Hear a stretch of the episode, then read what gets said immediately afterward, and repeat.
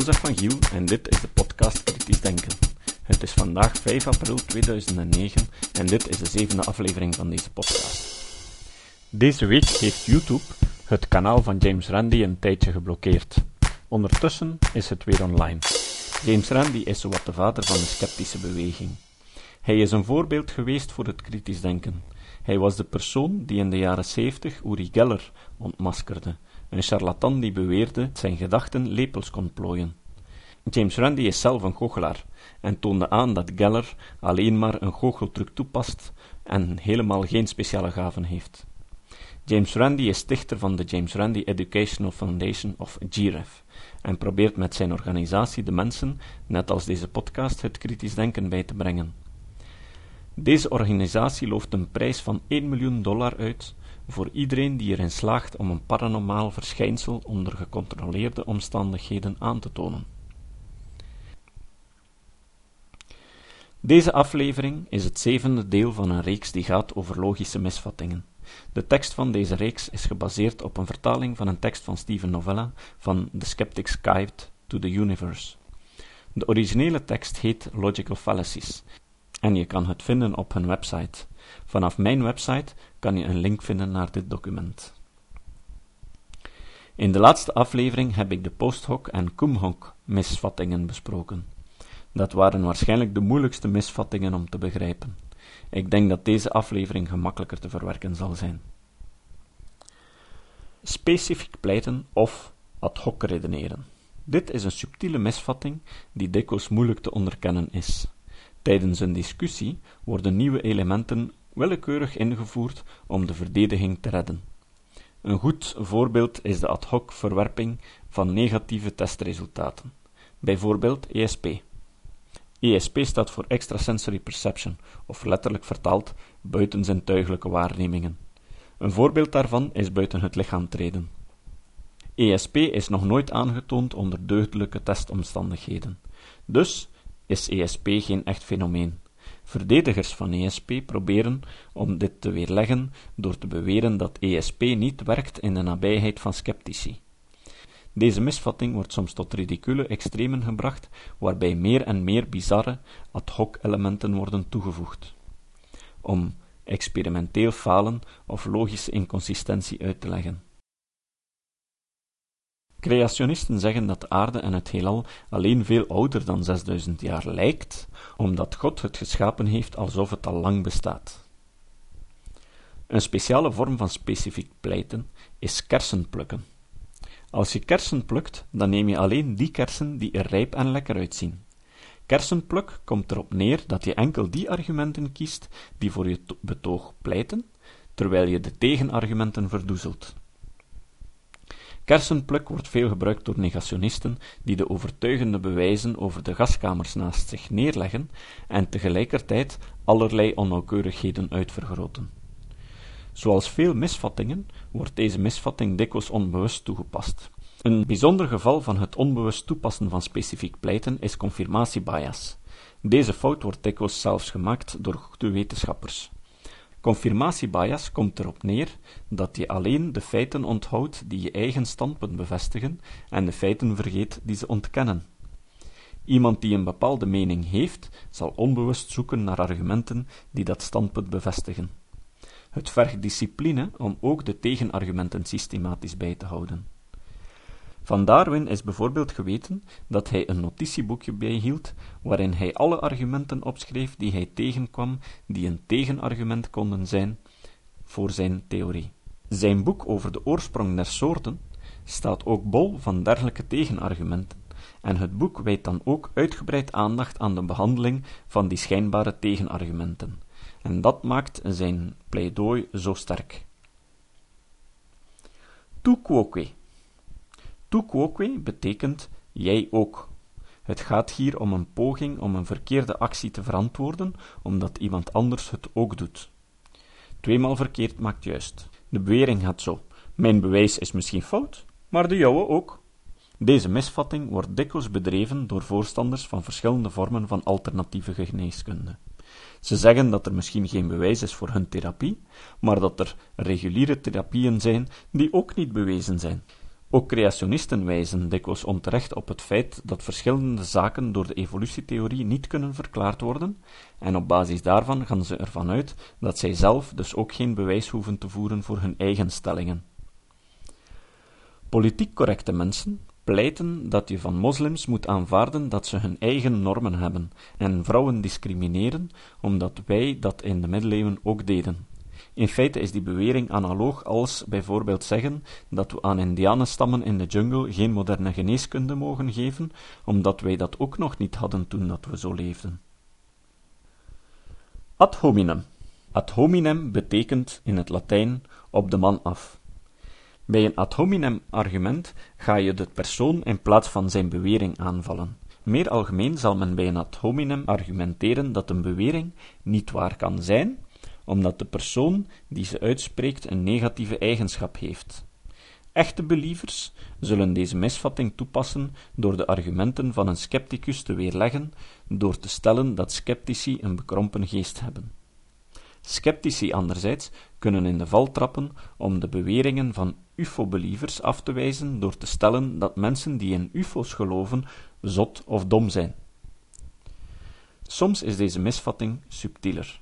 Bijvoorbeeld, ongewenste onderzoeksresultaten kunnen afgewezen worden omdat de onderzoekers blijkbaar met een belangenconflict zitten.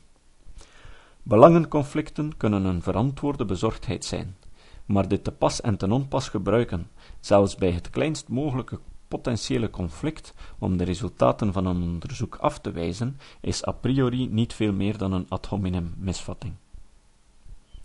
Bij een discussie moet je er alles aan doen om dit argument te vermijden en de tegenpartij erop te wijzen als hij die gebruikt. Ze is er dikwijls de oorzaak van dat de gemoederen opgehitst raken. Omgekeerd kunnen mensen zich ook ophitsen omdat ze een repliek op hun argumenten soms als een ad hominem ervaren, omdat ze zich zo sterk met hun standpunt vereenzelvigd hebben. Paragnosten gebruiken deze misvatting frequent. Wanneer ze proberen om iemands verleden te reveleren en het lukt niet, dan verwijten ze de klant dat hij zich niet openstelt. De meest gebruikte techniek bij helderziende sessies is cold reading, of in het Nederlands koude lezing. Het is belangrijk om te beseffen dat veel paragnosten deze techniek onbewust gebruiken. Met andere woorden, velen zijn er zelf van overtuigd dat ze echt gaven hebben en passen cold reading onbewust toe. Cold reading komt erop neer dat de paragnost begint met een zeer algemeen feit te vermelden dat bij veel mensen van toepassing is. Op basis van de soms zeer subtiele gelaatsuitdrukkingen van de klant kunnen ze afleiden of ze in de goede richting geraden hebben of niet. Op basis van dat resultaat kan hij dan geleidelijk aan de uitspraak concreter maken en de volgende uitspraak laten afhangen van de reactie van de klant. De uitspraken worden steeds op een zeker niveau van vaagheid gehouden, zodat ze bij een misser tot een treffer kunnen gedraaid worden. Bijvoorbeeld: Ik zie, ik zie een ziekte. Als de klant schrikt, kan hij in de volgende vraag dieper ingaan, met bijvoorbeeld: Ik hoor wind. Als de eerste uitspraak een misser was, dan kan de ziener deze ombuigen door bij de volgende opmerking te zeggen dat de ziekte met een dierbare persoon te maken heeft. De tweede uitspraak kan geïnterpreteerd worden als een ziekte van de lichtwegen, of in geval van een misser kan die gedraaid worden naar hoofdpijn, waarbij de wind verwijst naar suizen in het hoofd. In de Vlaamse politiek is het cordon sanitaire tegen het Vlaams Belang eigenlijk een ad hominem. Voor alle duidelijkheid, ik steun het programma van het Vlaams Belang over het algemeen niet. Maar elk voorstel dat uit die hoek komt a priori moeten afwijzen, is een ad hominem.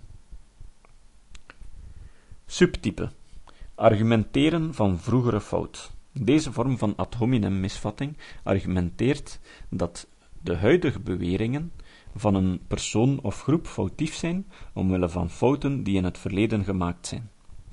Creationisten bijvoorbeeld, die refereren dikwijls naar fraude op fossielen, of naar ontdekkingen van levende soorten waarvan men vroeger dacht dat ze uitgestorven waren. en op basis daarvan beweren ze de huidige bewijzen van de evolutie te kunnen weerleggen.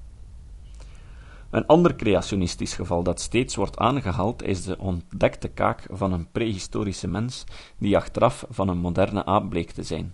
Wat de creationisten er wel niet bij vertellen, is dat het wel paleontologen waren die ook de fout vaststelden en corrigeerden. Dat is precies een van die belangrijke misverstanden die er bestaan over de voortschrijding van wetenschap. Buitenstaanders denken dikwijls dat het een lineair proces is, waarbij testen gedaan worden en er dan een theorie wordt opgesteld en uitlegt om naar de volgende testen over te stappen. In werkelijkheid lijkt wetenschap veel meer op de processie van Echternach. Bepaalde hypothesen blijven een tijd bestaan, totdat er iets gevonden wordt dat ze tegenspreekt. Dan zoekt men naar andere mogelijke verklaringen. Soms stelt men hypothesen voor op basis van testen, maar die testen blijken achteraf niet herhaalbaar door andere mensen, zodat ze weer worden verworpen, enzovoort. Het proces van de wetenschap is veeleer zoals een spiraal, waarbij men voortdurend heen en terug gaat om dingen te herzien, maar stapje voor stapje heel traag vooruitgang boekt. In een later aflevering ga ik dieper ingaan op de wetenschappelijke methodes. Het citaat van deze week komt van Carl Sagan. Carl Sagan was een astronoom en een van de eerste wetenschappers die inzag hoe belangrijk het is om het grote publiek te doen kennismaken met wetenschap. Carl Sagan was ook een belangrijk voorbeeld voor James Randi. Tijdens zijn leven heeft hij verschillende populariserende wetenschappelijke televisiedocumentaires gemaakt. Hij stond ook aan de basis van het SETI-project. SETI staat voor Search for Extraterrestrial Intelligence, of Zoektocht naar buitenaardse intelligentie. Het is een project waarbij gegevens van verschillende radiotelescopen door computerprogramma's worden onderzocht naar signalen die kunnen wijzen op intelligente wezens op andere planeten, die zoals wij ook gebruik maken van radiogolven voor telecommunicatie.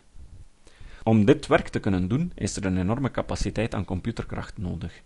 Het SETI at Home programma heeft een zeer ingenieuze manier gevonden om gratis aan die computerkracht te komen. Op hun internet kan iedereen die wil meewerken een screensaver ophalen. Als je die op je computer installeert, dan zal het programma automatisch actief worden wanneer je niets doet op je pc. Dan haalt het meetgegevens op via het internet en begint het die te verwerken om tenslotte het resultaat terug te sturen naar SETI. Carl Sagan was ook de man die achter de eerste interplanetaire missie stond, namelijk de Voyagers en de, en de Vikings, in de jaren 70.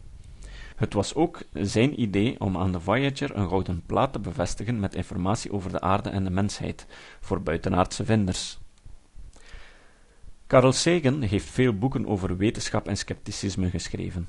Twee van zijn boeken zou ik absoluut aan iedereen willen aanraden. Het eerste boek heet The Demon Haunted World, Science as a Candle in the Dark, of in het Nederlands, De door demonen bezeten wereld, wetenschap als een kaars in het donker. Het bestaat spijtig genoeg niet in het Nederlands. In dit boek gaat hij in op het bijgeloof van mensen, over hoe je pseudowetenschap kan herkennen en hoe de echte wetenschap veel boeiender is dan pseudowetenschap. Het tweede boek is Pale Blue Dot, of Vaalblauw Puntje, waarin hij op een prachtige manier uitlegt hoe nietig wij eigenlijk zijn ten opzichte van het onmetelijk heelal. Ik kom hier nog specifiek op terug in een later aflevering. Het vaalblauw puntje verwijst naar de laatste foto die door de eerste Voyager in hoge resolutie gemaakt is, voor hij ons zonnestelsel verliet. Op die foto zijn onze planeten en onze zon te zien, en, als je heel goed zoekt, is er een vaalblauw puntje te zien. Dat vaalblauw puntje, dat is de aarde. Het is op dat heel klein puntje dat wij al onze oorlogen uitvechten. Het citaat van Carl Sagan dat zo dadelijk komt, heeft een heel belangrijke betekenis voor mij. Wanneer je sceptisch bent, word je nogal snel verweten kortzichtig te zijn. Ik heb in mijn leven ook heel open gestaan voor allerlei rare verschijnselen. Ik heb nog een perpetuum mobile ontworpen sessies georganiseerd over acupunctuur, discussieavonden georganiseerd met Jehovah-getuigen over creationisme en mijn horoscoop laten opstellen om te weten of mijn lief bij me paste. Ik wou al die verschijnselen zonder vooroordelen benaderen en onderzoeken wat erachter zat. Ik verweet iedereen die al a priori deze verschijnselen afwees van kortzichtigheid. Maar ik ging wel verder met mijn onderzoek en stelde al snel vast dat al deze verschijnselen inderdaad gebakken lucht zijn. Nu moet je je afvragen wie kortzichtig is. De persoon die tot aan zijn dood deze verschijnselen aanvaardt, maar voor- en tegenargumenten niet onderzoekt, of de scepticus die na wat onderzoek beslist dat het pseudo is, maar altijd openstaat voor een gefundeerd bewijs van het verschijnsel. Carl Sagan zei: Het loont om een open geest te hebben, maar ook weer niet zo open dat je hersenen eruit vallen. Tot de volgende keer.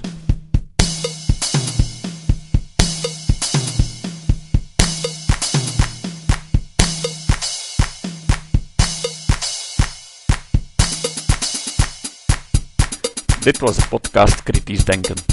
Voor meer informatie en voor de tekst van deze podcast kan je terecht op mijn website surf.to schuine streep kritisch denken. Tot de volgende keer.